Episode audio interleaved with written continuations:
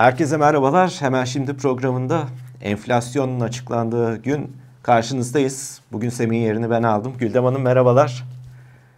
Merhabalar, hoş geldiniz Sinan Bey. Enflasyon açıklandı bugün. Enflasyon bekleniyor da enflasyonda şöyle bir beklenti oluşmuştu son günlerde. Enflasyondaki düşüş trendi aynı hızda devam edecek. Beklentilerde hızlanıyor. Buna bağlı olarak Cumhurbaşkanı Erdoğan'ın faiz açıklamaları vardı. Merkez Bankası faiz indirimlerine devam edecek. İşte %51'lere geleceği söyleniyordu 12 aylık enflasyonun. Dün geldiğimiz noktada TÜİK'in açıkladığı enflasyon beklentilerin üstünde bir şekilde %57.68 geldi. Detaylarına baktığımızda ki şunu da not etmemiz lazım herhalde. Türlü. Yaklaşık yarım saattir detaylarını bekliyoruz. Şimdi detaylarına baktığımızda çekirdek enflasyonunda 7.67'ye geldiğini görüyoruz. Siz bu açıklanan rakamları nasıl görüyorsunuz? Ee, şimdi bence bir kere yarım saat gecikmesi skandal. Gerçekten böyle bir şey olması e, kabul edilebilir bir şey değil. Üretici fiyatları detayları açıklandı. Tüketicide manşet açıklandı ve e, alt detaylar çıkmadı. Hemen tabii insanın aklına bir sürü şey geliyor. Şimdi o beklentiler 3,5 civarında şekillenen beklentiler gerçekten o şekilde enflasyon beklendiği için mi yoksa TÜİK onu o şekilde baskılayacağı düşündüğü için mi o şekilde düşük bekleniyor? Hani bu uzun zamandır konuştuğumuz, tartıştığımız bir şey. Bence TÜİK olsa olsa bu kadarını açıklar diye e, daha çok düşünülüyor. Sabah biraz daha erken saatlerde ENAG enflasyon 9.26 geldi. Şimdi tamam TÜİK'in detaylarına bir kez daha dönelim. Ee, onun içinde gördüğümüz şey bir kere ben bu sefer yurt içi fiyatlarından, yurt içi, yurt içi üfe yani üretici fiyatları enflasyondan başlamak istiyorum. O taraftan baktığımız zaman e, dahi aslında çok korkunç bir durumla karşı karşıyayız. Hani enflasyon baskıları, maliyet baskıları son gücüyle devam ediyor. Bunu nereden anlıyoruz? Hani artık bazı yılı etkisiyle düşeceği için e, bazı yılı işte ne kadar yıllık enflasyon nereye geldi diye bakmak bu 4-5 ayda çok anlamlı değil bence aylık %4.15 bir üretici fiyatları e, artışı var. Bu maliyet baskısı demek. Bunun detaylarına bakıyoruz. İşte neyse ki elektrik, doğalgaz fiyatlarına bağlı sanayi indirimler var. Orada eksi 3.13 var aylık. Ama onun dışında imalat sanayindeki aylık artış %5.12. E, bunun detaylarına bakalım. Dayanıklı tüketim malı enflasyonu aylık %7.34. Dayanıksız tüketim malı üretim enflasyonu 8.2. Sermaye malı üretimindeki fiyat artışı 6.29. Şimdi bu ne demek? Bu bu da TL'nin bir de size çok iyi biliyorsunuz baskılandığı bir dönemde aslında bu bizim karşımıza çıkıyor. Dolayısıyla bir kere korkunç bir enflasyon dalgası geliyor. Öyle sene sonu hani bu maliyet artışlarıyla yüzde 22.3'lük bir enflasyona geri dönmek falan bence mümkün değil. Uzun uzun anlatıyorum ama TÜFE'nin detaylarına şöyle bir hızlıca bakarsak o tarafta da işte bahsettiğimiz gibi e, çekirdek enflasyon şimdi Excel tarafından bakmaya çalışıyorum. Çekirdek enflasyonun seviyesi e, Aralık'ta 1.86, Kasım'da 1.88 iken bir anda 7.67'ye fırlamış. E, inanılmaz bir e, sıçrama var. Bu yıllık bazda tabii ki çekirdek enflasyonu da tekrar e, kaçtan kaça almış hemen bakalım burada Excel'de. Yaklaşık %51.93'ten 52.97 yani 52'den 53'e kadar almış. Bu bir tekrar ma baskıların arttığı anlamına geliyor. Bu 7.67 aylık çekirdek enflasyonun e, mallar ve hizmetler olarak dağılımına bakarsak 6.68'lik bir e, çekirdek enflasyonda mallarda artış var. Hizmetlerdeki aylık seviye yüzde 10.59. yani ben ne diyeyim ki hani bu enflasyon tamamen para politikasının e, çalışmadığını, çöktüğünü ve hani o beklediğimiz bazı etkisini falan geçelim yüzde ellilerde bir yerde yapışkan olduktan sonra tekrar yükselme eğilimine gireceğini anlatmalı bence hepimize. Ee, benim gördüğüm bu. Hani uzun uzun anlattım ama madem geç açıklandı ben de veriler üstünden gitmek istedim. Enflasyon aslında önümüzdeki süreçte seçim sahtım haline de girildiğini düşünürsek ekonomi yönetiminin üzerinde titrediği bir konuydu. Çünkü işte kuru baskılıyor, enflasyon olmasın. Bir taraftan asgari ücrete yapılan, ücretlere yapılan zamlar var. Bu planları da biraz bozacak bir şey değil mi? Ya tabii şimdi e, dün mesela Aksoy araştırmanın bir anketi vardı. Hemen hani böyle hızlıca siyasete dalmış gibi oldum ama bunu ben ekonomiyle bağlandırmak bağla, bağlamak istiyorum. Mesela geçen sene Aralık ayında yapılan asgari ücret artışlarının Ocak ayında AKP'nin oylarına yaklaşık 2 puanlık bir artı yönde yansıması olmuştu. Ama e, hani bu e, güzel havayla AKP'ye e, tekrar e, eğilime dönen e, birçok kişi sanıyorum Mart ayı Mart geldiğinde geçen seneden bahsediyorum. Nasıl o asgari ücret artışının eridiğini tekrar açlık sınırında dolaştığını keşfettiler. Dolayısıyla sene ortasında bir zam gelmesi gerekti. Ee, işte sene ortasında o yapılan zam arkasından yaz aylarının rehavetiyle AKP'deki o artı bir puanlık düşüş zaten yerine e, verildi. Fakat o düşüş eridi. Şimdi Aralık ayındaki bu Aralık ayındaki geçtiğimiz Aralık ayındaki yapılan %50'lik artıştan sonra ki geçen sene bütün senede %90 küsurun üzerinde bir asgari ücret artışı yapıldı.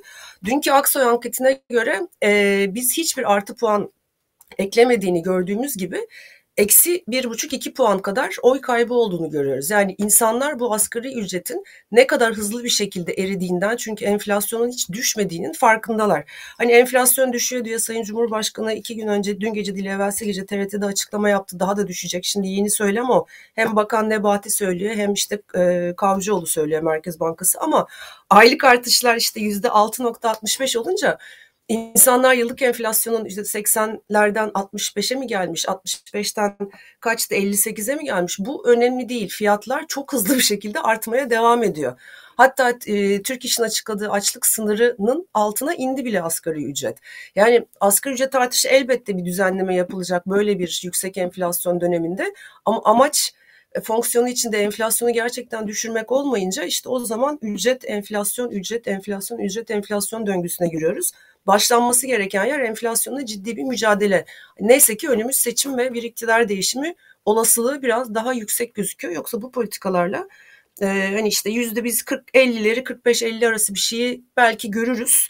50'ler daha olası. Seçimin hemen arkasından bu politikaların devam etmesi biz yine başladığımız yere yani TÜİK verileriyle %80'lere kadar tekrar geri getireceğini yani görmek bugünkü veriden çok net artık.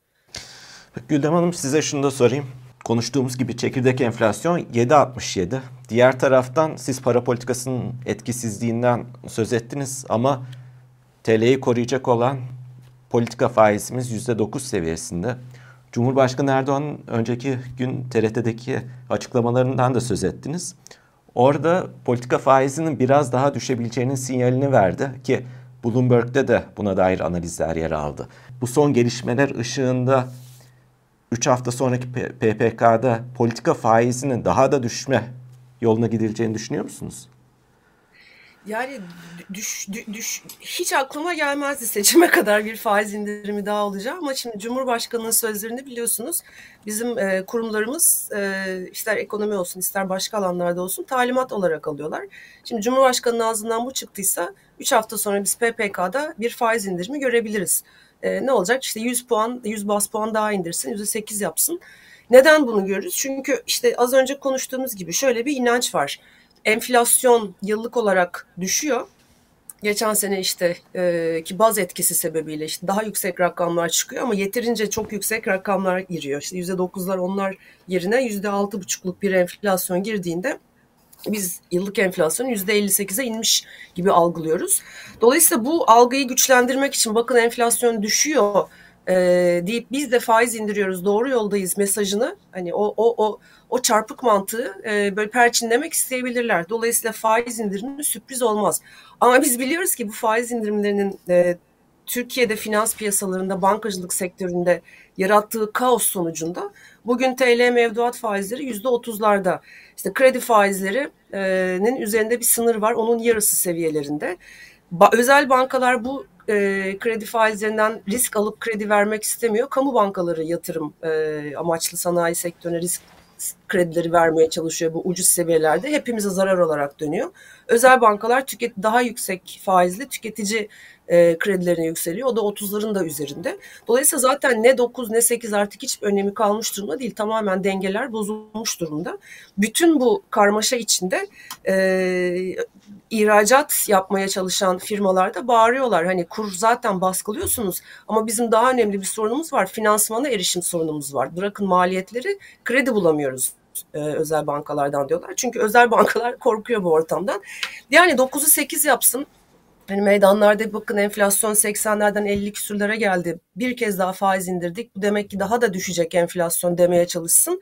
İnsanlar bunu zaten hissetmiyor ki hayatlarında. Ne bireyler hissediyor ne firmalar hissediyor bence. Tüm buradaki kur baskılama çalışmalarında geçen sene 108 milyar dolarlık bir döviz satışı e, rezervlerde tabii, tabii. son aylarda yeniden e, azalma trendine girdiğini de görüyoruz. Altını bir kez daha çizmek lazım. O 128 milyar dolarla bu harcanan 100 küsür milyar dolar birbirinden farklı. O 128 milyar dolar artıda olan net rezervleri, swap hariç hatta net rezervleri çok hızlı eksi 60 milyar dolarlara kadar çekmişti. Şimdi onun ötesinde daha fazla satma gücü olmayınca ve TL baskılanmak istediği için zaten ihracatçıların e, bu kur korumalı mevduatla kademeli bir şekilde e, döviz gelirlerinin işte yüzde kırkını Merkez Bankası'na yatırma zorunluluğu geldi. O geldi, bu geldi. Yani bir taraftan böyle bir havuza giriyor, bir taraftan çıkıyor. Çıktıkça giriyor. Yani Merkez Bankası kendini bir gerçekten piyasada dövizden tek sorumlu bir e, banka olarak konumladı bir merkez bankasının olmaması gerektiği şekilde en azından serbest piyasa ekonomisinde. O yüzden e, öyle bir e, devri daim böyle bir durumu var. Böyle bir motor gibi giriyor. Oradan çıkıyor turizm gelirleri ve ihracat gelirleri. Ama hani günün sonunda gelinen noktada zaten o e, swap hariç net rezervler dün itibariyle 46 milyar eksideydi hala. E, dolayısıyla daha fazla bozulma olmuyor fakat zaten yeterince bozulma var ve korkunç seviyede bir bozulma var. Merkez Bankası işte bu şekilde e, baskılamaya devam etmeye çalışıyor. Tüm bunlar bizim tarafta yaşanırken küresel boyutta da Merkez Bankaları haftasıydı aslında bu hafta ve faiz kararlarının açıklandığını gördük. Burada faiz kararlarından ziyade bundan sonraki süreçte nasıl hareket edileceği, bu faiz artışlarının ne kadar daha devam edeceği, daha sonrasında bu faiz artışlarının tersine ne zaman döneceğine dair ne mesajlar verilecek buna odaklanmıştık. Öncelikle isterseniz evet. FED'le başlayalım. 25 bas puanlık bir artış e, oldu. Sonrasında Powell'ın açıklamaları var. Siz ne gördünüz? Ee, ya Fed Powell uzun zamandır piyasa, piyasalar aslında bir bilek güreşi içinde. Hani piyasalar sürekli çünkü ortada hala çok fazla likitte var. O likitteyle e, piyasadaki hareketler yükselme ve para kazanma güdüsüyle tekrar bu yükselişi devam ettirme yönünde. E, her seferinde işte Fed faiz artışlarına başladığından beri hayır işte yüzde üç buçuk dörtleri geçemez senaryosu vardı. Arkasından yüzde beşe kadar bile ulaşmaz. E, beşe ulaşsa bile mutlaka işte çok sert resesyon yaratılacak. Sert resesyonla beraber, e, ekonomik durgunlukla beraber 2023'ün sonlarında mutlaka faiz indirmeye başlayacak. Hadi biz tekrar piyasalara gaz verelim artık bunlar son faiz artışları derken hani Powell'ın açıklamaları özellikle çok özür dilerim öksürük hala geçmedim. E, piyasalarda bu işin böyle olmayacağını anlatmaya çalışıyor. Yani o bilek güreşinde kazanan taraf bence doğal olarak çok büyük Merkez Bankası Fed olacaktır. Verdiği mesaj şu, 5'in de üzerine çıkabilirim. E, çünkü ekonomideki yavaşlama korkulan kadar değil. Üstelik istihdam piyasasında da son 2-3 veride yavaşlama işaretleri olmasına rağmen halen çok güçlü. Ee, diğer taraflarda yavaşlamayı görüyorum. Evet artık e, dezenflasyonist süreç başlamıştır. Bunu kabul edebiliriz. Ama hala beklentiler enflasyon hedefinin üzerinde. Yani hani bunun nereye bağlanıyor? Diyor ki sizin beklediğiniz gibi ben 5'in üzerine çıkmama gibi bir şeyim yok. Muhtemelen 5.25 belki 5.50'ye kadar çıkılabilecek. Yani bir iki e, faiz artışı daha olacak burada 25'lik. Ama arkasından e, daha da önemlisi olan bu faiz indirimleri bu sene kesinlikle gelmeyecek. Ekonomi hala çok güçlü. 2024'ten önce gelmeyecek. Dolayısıyla siz bu özellikle tahvil piyasalarındaki yeniden fiyatlamaktan bir an önce vazgeçin. Biraz daha satış yönünde olun. E, aşağı indirmeyin faizleri. Çünkü aşağı inen tahvil piyasasının bu faiz indirimlerini fiyatlaması sürekli faizlerin tahvil faizlerinin ABD'de düşmesiyle bir alım gücünde artış yaratıyor. Alım gücünde artış hissi ya da gerçeği tüketime tekrar dönüyor. O yavaşlatılmak istenen ABD ekonomisindeki bu süreci ötelemiş oluyor. O yüzden piyasalara ciddi ciddi mesajlar var. Ha, piyasalar yine bunu bence güvercin algıladı. Canım işte iki faiz artışı daha 25-25 yapsa 5'in biraz üstüne çıksa bir şey olmaz. Yine faiz indirimleri bu sene biz görebiliriz beklentisi var.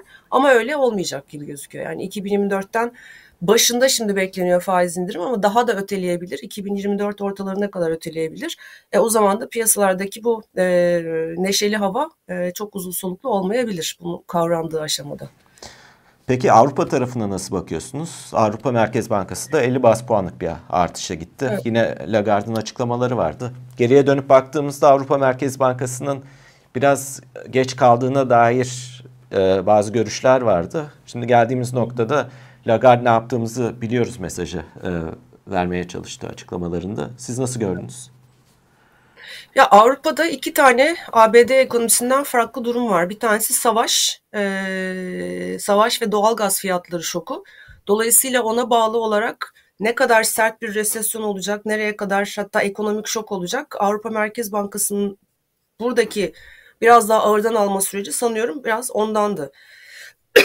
Diğer taraftan enflasyon orada da düşmeye başladı ama ABD tarafında gözüken çekirdek enflasyondaki gerileme Avrupa tarafında yok. Dolayısıyla çekirdek enflasyonda biraz daha e, bir kırılma noktası, bir işte zirveden dönüş görülmediği e, ortamda Avrupa Merkez Bankası biraz daha sert gitmek zorunda.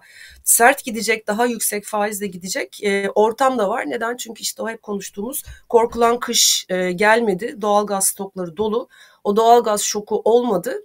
E, dolayısıyla ekonomik aktivite korkulan kadar e, daralmadı. Bir yavaşlama var ama daralma yok. O yüzden de güçlü gidebilir. Çekirdek enflasyonun hani tabiri caizse belini kırana kadar.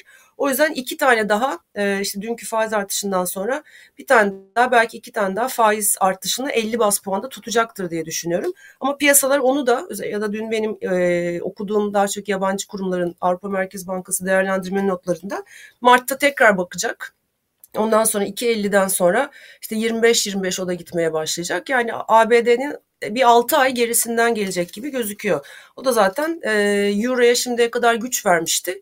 Ama Avrupa Merkez Bankası'nın da artık son döneme, son çeyrek faiz artışlarına girdiği anlaşılmasıyla biraz Euro satışta yedi. Orada da dikkatli olmakta fayda var herhalde. Çok teşekkür ederim Güldem Hanım.